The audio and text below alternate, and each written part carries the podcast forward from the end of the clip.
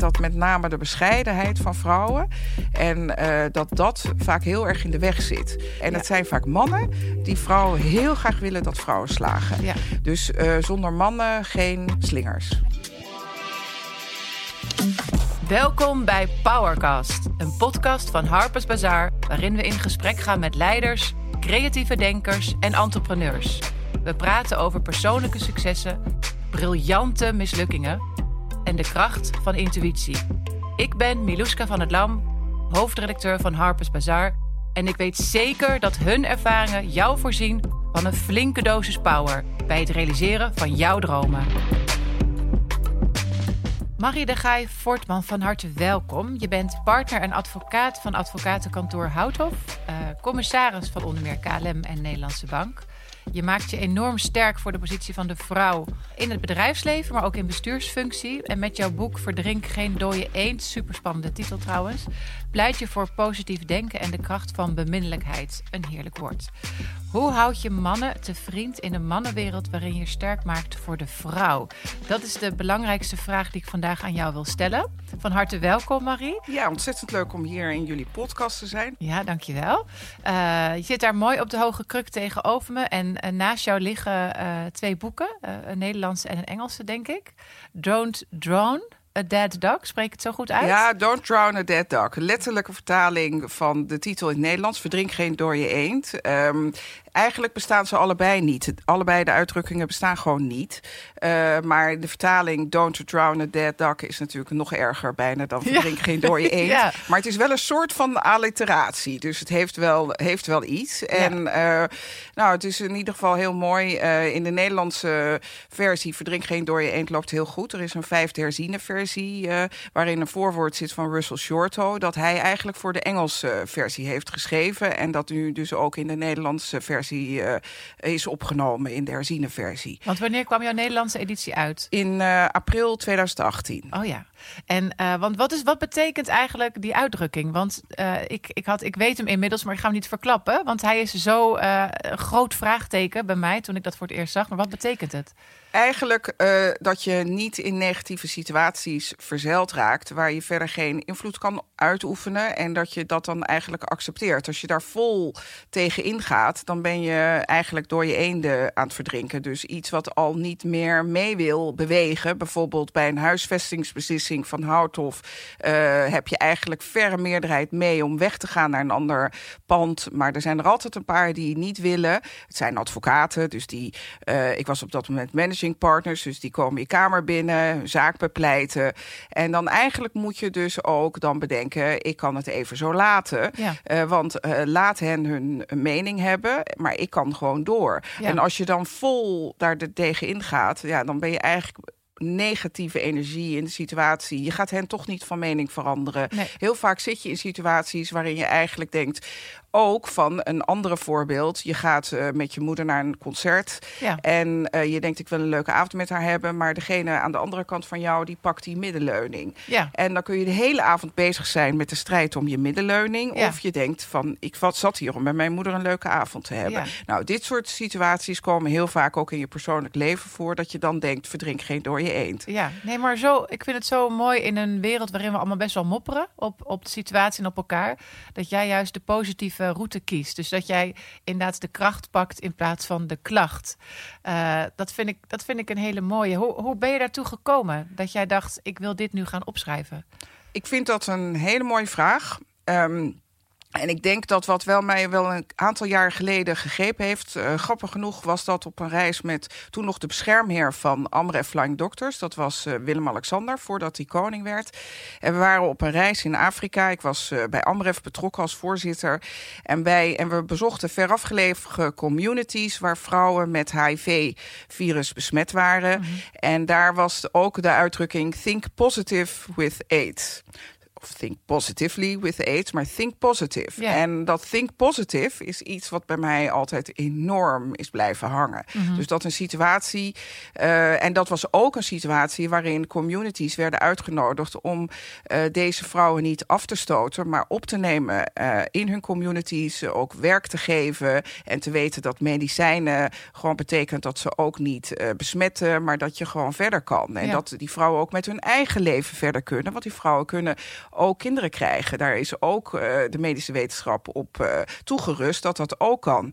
En dat maakte eigenlijk dat je eh, dan ook bedenkt van ja, weet je, en dat is een soort van levensmotto sowieso van mij wel, dat je in situaties de positieve kant pakt, Ja. omdat eigenlijk alles een keuze is. Ja. Er overkomt ons veel in het leven. Ja. Dat is nou eenmaal zo, grote, kleine dingen. Maar het is ook altijd een keuze hoe je daarmee omgaat. En, en waarom dacht je, ik ga daar echt nu papier aan wijden? Ik ga me echt afzonderen. Of misschien heb je niet afgezonderd, ben ik ook benieuwd naar. Maar waarom dacht je, ik wil hier nu echt een boek over gaan schrijven? Nou, twee eh, dingen daarover. Ik denk de eerste is dat ik niet zelf een eigen ambitie had om een boek te schrijven. Maar dat de uitgever van Atlas eh, Business Contact mij vroeg om dat boek te schrijven. Die vroeg mij overigens om een boek te schrijven zoals Sheryl Sandberg, Lean In, Empowerment van Vrouwen. Ja. Dat is het uiteindelijk niet geworden, want ik heb een denkproces van jaren gedaan om toch te komen tot dit boek, wat eigenlijk ook een managementboek is over de kracht van beminnelijkheid en Ja. effectieve communicatie.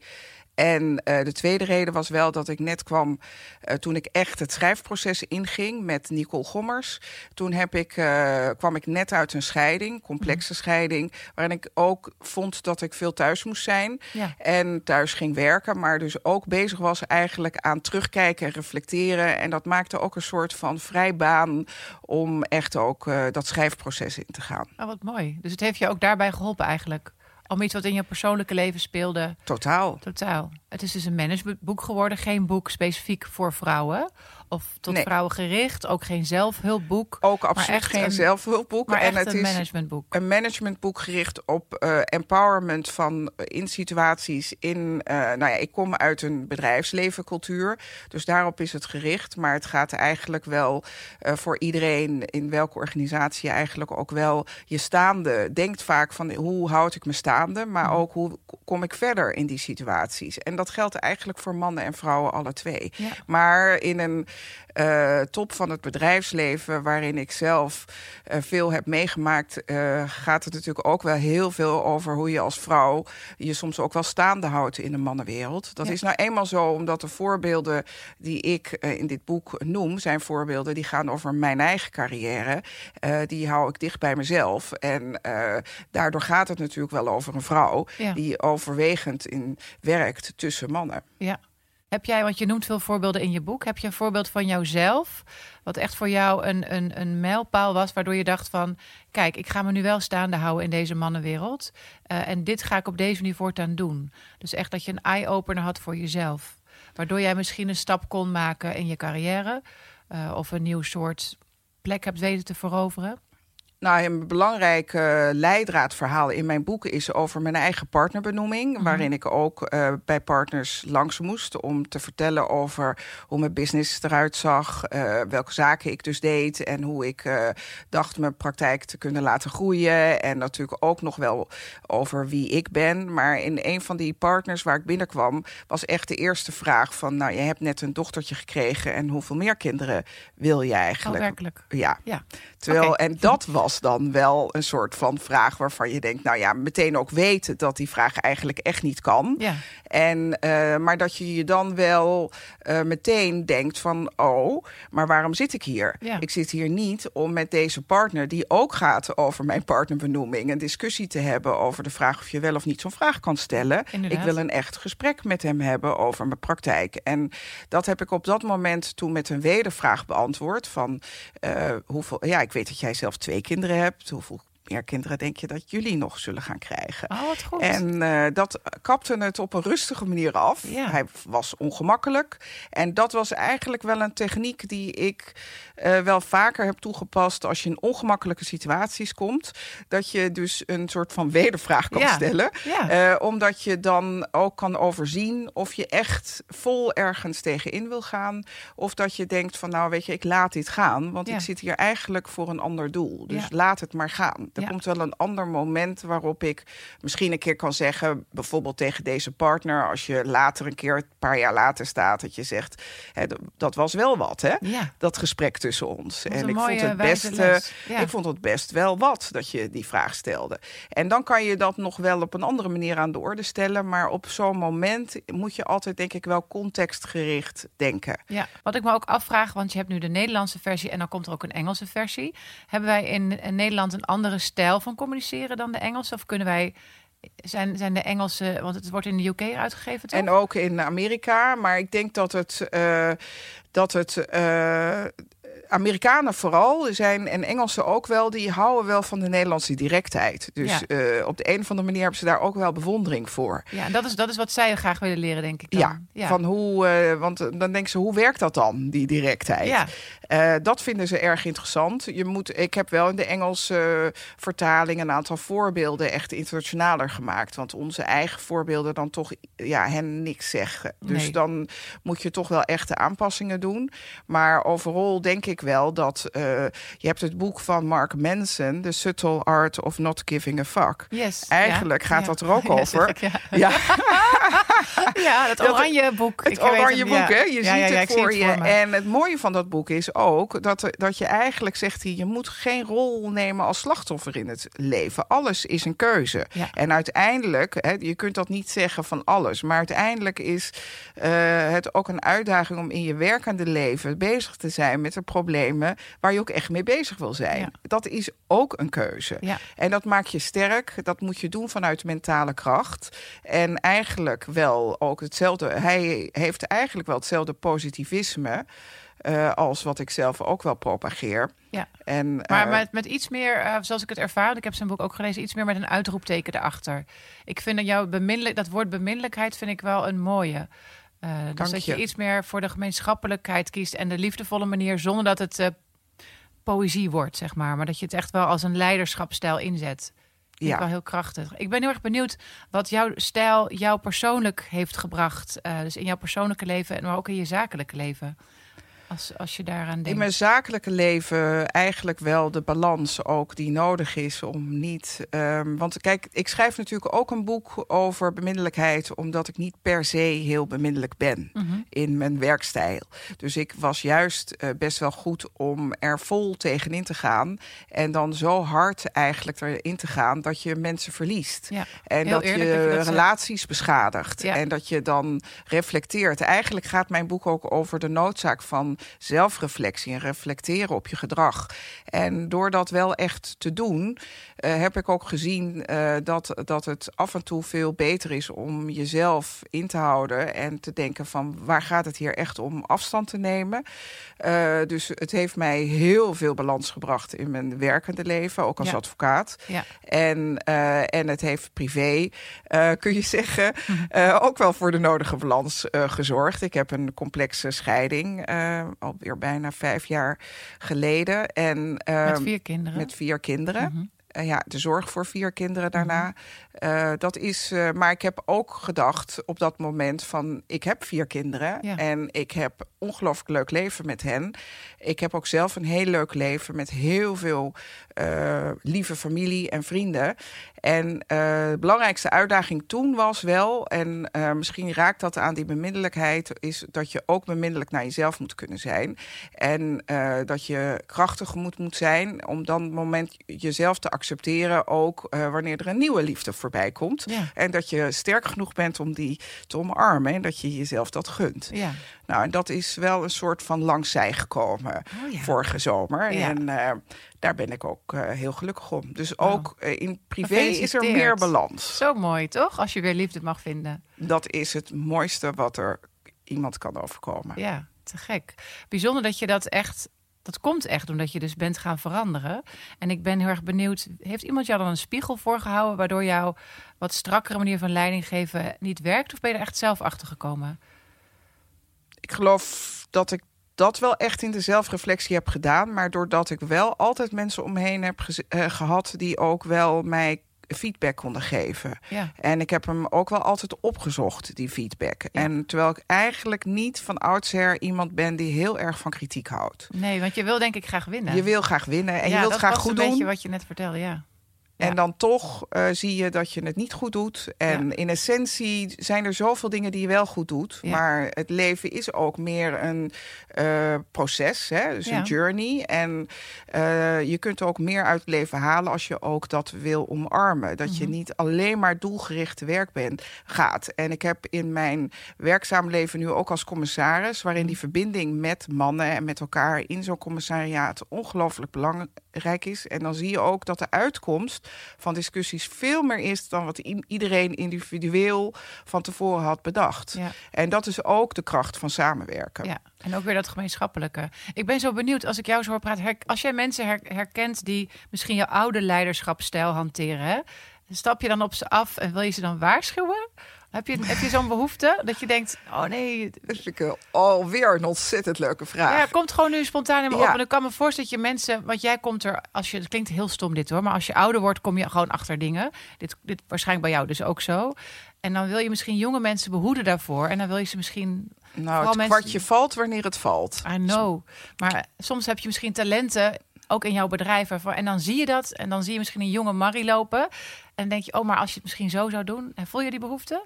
Dat Nou je- ja, in ieder geval eh, ook door wel eens ze mee te geven hoe er naar hen gekeken kan worden. Maar dat probeer ik dan wel op een uiterst bemiddelijke manier te Ja. doen. Omdat, eh, maar, en je kunt dingen wel soms wel scherp zeggen. Eh, soms kan ik dingen wel echt heel scherp zeggen. Mhm. Zodat het kwartje Echt dan valt. wel echt valt. En dat kan bijna niet anders, ook als je kinderen opvoedt. Ja. Eh, dan moet je ook wel eens. eh, dan heb je soms het uiterst geduld, omdat je ook kinderen niet tien keer per dag op hun eh, eh, Vingers. vingers wil tikken. Dat is niet effectief, dat Nee. weten we allemaal. Ik weet nog dat mijn vader een keer tegen mij zei: eh, beperk dat tot één keer per dag. Mhm. Maar dan soms moet je dan ook wel echt heel duidelijk en heel scherp zijn. En zo is het ook naar als je iemand anders wil zeggen: hé, hey, dit, dan moet je ook iets doen waardoor het kwartje echt kan vallen. Ja, nee, dat snap ik. Wat ik heel belangrijk vind ook in, in jouw hele verhaal... is dat jij de mannen, die weet je behoorlijk te vriend te houden. En ik denk dat dat ook heel belangrijk is, want... eh, hoeveel wij ook over empowerment praten, ik heb altijd een beetje moeite ermee, want ik wil echt die mannen wel blijven betrekken. En volgens mij, als we te ver doorgaan in het feminisme, dan beginnen we gewoon weer in de oertijd. en dan moeten we weer opnieuw beginnen. En om dat te voorkomen, eh, moeten we volgens mij de mannen erbij betrekken. Maar hoe, hoe moeten we dat doen, Marie? Hoe gaan we die mannen erbij? En hoe zorgen we ervoor dat als wij over empowerment beginnen of over onze zichtbaarheid, dat ze niet denken: oh, heb je weer zo'n vrouw? Nou, dat Heb laatste is wel heel lastig. Know, en de vraag is of je je daar dan wel weer heel veel van moet aantrekken. Want ze vinden het ook reuze interessant, die vrouwennetwerken. En eigenlijk vinden ze het ook wel mooi. Eh, maar ik denk wel dat je.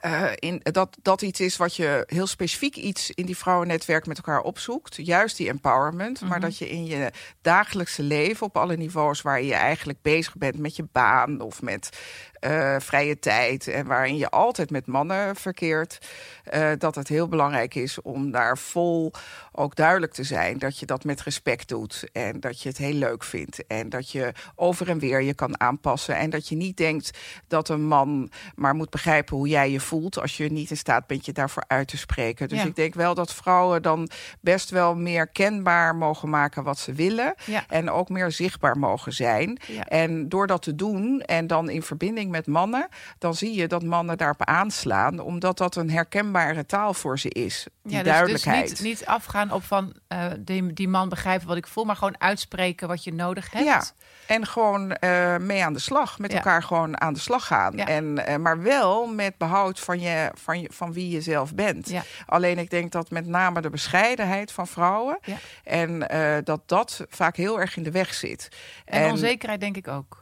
Onzekerheid ook, ja. Ja, ja. Jammer, want Ja, eh, heel veel jammer. vrouwen hebben gewoon heel veel kwaliteiten en vaardigheden. En begrijpen gewoon soms niet, lijken soms niet te begrijpen dat in het leven je soms dingen gewoon gegund worden. Om dat een eerste keer ergens anders te doen of in een promotie te doen. En dan moet je dat gewoon beetpakken. En het zijn vaak mannen die vrouwen heel graag willen dat vrouwen slagen. Dus eh, zonder mannen geen, geen eh, slingers. Nee, inderdaad. Nee, dat is ook zo. Maar vind je dat we daar... Zijn we goed op weg in Nederland? Want vorig jaar was het best wel een heftig vrouwenjaar, vond ik. Met allerlei discussies en nou ja, afspraken ook eh, op het niveau van de overheid. Maar hoe, hoe staan we ervoor in Nederland, vind jij? Eh, ik, vorig jaar is ook het jaar van de kanteling. Even los van dat er ook inderdaad wetgeving op quota komt. Ja. Voor, eh, voor raden van commissarissen van beursgenoteerde bedrijven. Daar komt 30 procent. Ja. Daar gaat wel een soort van werking van uit. Dat alle 5000 bedrijven die onder ook die wet vallen. Iedereen denkt, oh, daar moeten ook 30 procent vrouwen. In ieder geval bij commissarissen. En dan denkt men, oh, ook in de raad van bestuur. Dus ik denk dat het niet eh, te onderschatten is wat het belang is van dat er nu deze wetgeving eindelijk komt. Maar tegelijkertijd zie je vorig jaar vooral het jaar geweest is van een kanteling in de bedrijfscultuur van bedrijven. Ja. Heel veel bedrijven hebben nu heel veel aandacht besteden die aan diversiteit en inclusiviteit. En dat is gewoon goed. Ja. En dat gaat over veel meer dan vrouwen alleen. Eh, en dat gaat. eh, en, Daar heb je gelijk in, dat is mooi. eh, Etniciteit, Ja, etniciteit ook, ja. de gay, lesbian communities. dus alles. En dat zie je ook. En, maar ik denk wel dat vrouwen nog altijd de grootste minderheid zijn. In, in bestuursfuncties, in managementfuncties. Dus het is wel heel goed dat daar heel serieus wel. Eh, eh, wordt voortgang wordt eh, geboekt. Maar uiteindelijk gaat het erom dat je een cultuur creëert in bedrijven die inclusief is. Die maakt dat mannen en vrouwen met elkaar goed kunnen samenwerken. En ik denk dat dat de kanteling is die je nu ziet. Ja. Dat eh, de opmars van vrouwen gegeven is. Ja, dat klopt. mannen hem hebben geaccepteerd. En hem ook omarmen. En eh, vrouwen dus ook, eh, denk ik, meer rust kunnen hebben. Dat ze dus denken van nou, met onze eigen eh, kwaliteiten en met wie wij zijn, kunnen we ook onze eigen leiderschaps. eh, nou ja, manier van leiderschap geven of leiding geven, eh, mogen we daar ook zichtbaar in zijn. En dan wordt het ook normaler in Nederland om vrouwelijke leiders te hebben. Ja. En dan wordt het ook normaler voor mannen om samen te werken in een team onder een vrouwelijke leider. Ja. En, en waar moeten we ons dan dit jaar op richten? Wat zullen we afspreken, Marie? Ja, goeie. Waar, waar Wat zullen zullen we we ons- afspreken? Gaan we volgend jaar kijken of we dat bereikt hebben? Eh, nou, ik denk dat we. Of je bedoelt volgend jaar? Ik denk Nou, dat ja, we. dit, jaar- dit is 2020. Waar vind je dat we als, ons als vrouw op moeten richten? Want wat je net, jij gaf een hele mooie Ik samenvatting. denk dat wij in. Nederland eh, heel erg ons onderscheiden van andere landen. Dat eh, vrouwen heel erg onderling een eenheid zijn gaan vormen. Ja. Dus women empowerment is niet alleen maar empowerment van de individuele woman. Ja. Maar is een beweging dat vrouwen voor vrouwen gaan staan en Mhm. elkaar helpen. Eh, en dat mannen ook steeds meer vrouwen helpen. Eh, dat is ook al een gegeven. En ik denk dat met name eh, die eh, beweging van vrouwen die vrouwen verder helpen ongelooflijk belangrijk is. Dus ik zou dat ook wel Dus dat is, dat is eh, op de naar boven willen de, halen. aan de wishlist. Ja, want Ja. andere landen die roemen Nederland om, om, om de wijze waarop in vrouwennetwerk vrouwen elkaar verder helpen, maar ook eh, daarbuiten. Ja. En ik denk dat dat wel een manier is om het ook het proces in de verbinding juist met mannen te versnellen. Ja, ja. Dus we gaan als vrouw elkaar meer opzoeken en ons meer verenigen en elkaar meer helpen. Ja, dat is wat we om gaan dat afspreken. laatste zetje te doen. Ja, En dan vooral heel snel overgaan tot de orde van de dag. En Ja. met je man s'avonds uh, uh, nou ja, een biertje drinken of een glaasje wijn, wat je wil. ja, wat je wil. En op het goede kant van het leven ook uh, ja. daar voldoende bij stilstaan. Ja, heel goed. Ja, of een vrouw, dat kan natuurlijk ook. Ik vind het een hele mooie afsluiting. Uh, we gaan volgend jaar kijken of we dat gehaald hebben. De, de, de, de wishlist en uh, de prioriteit die we vandaag gesteld hebben. Uh, wij gaan je ook blijven volgen. We bewonderen heel erg vanuit Harps Bazaar wat je aan het doen bent. Um, ik ga eindelijk Dankjewel. je boek echt helemaal lezen. Want ik heb vooral nu mensen erover horen praten. Waardoor ik zo enthousiast was om jou uit te gaan nodigen hier. Um, dus ik ben benieuwd. En we gaan elkaar volgen. Dankjewel Marie voor Dankjewel je voor deze en voor je inzet ook. podcast. Dank je.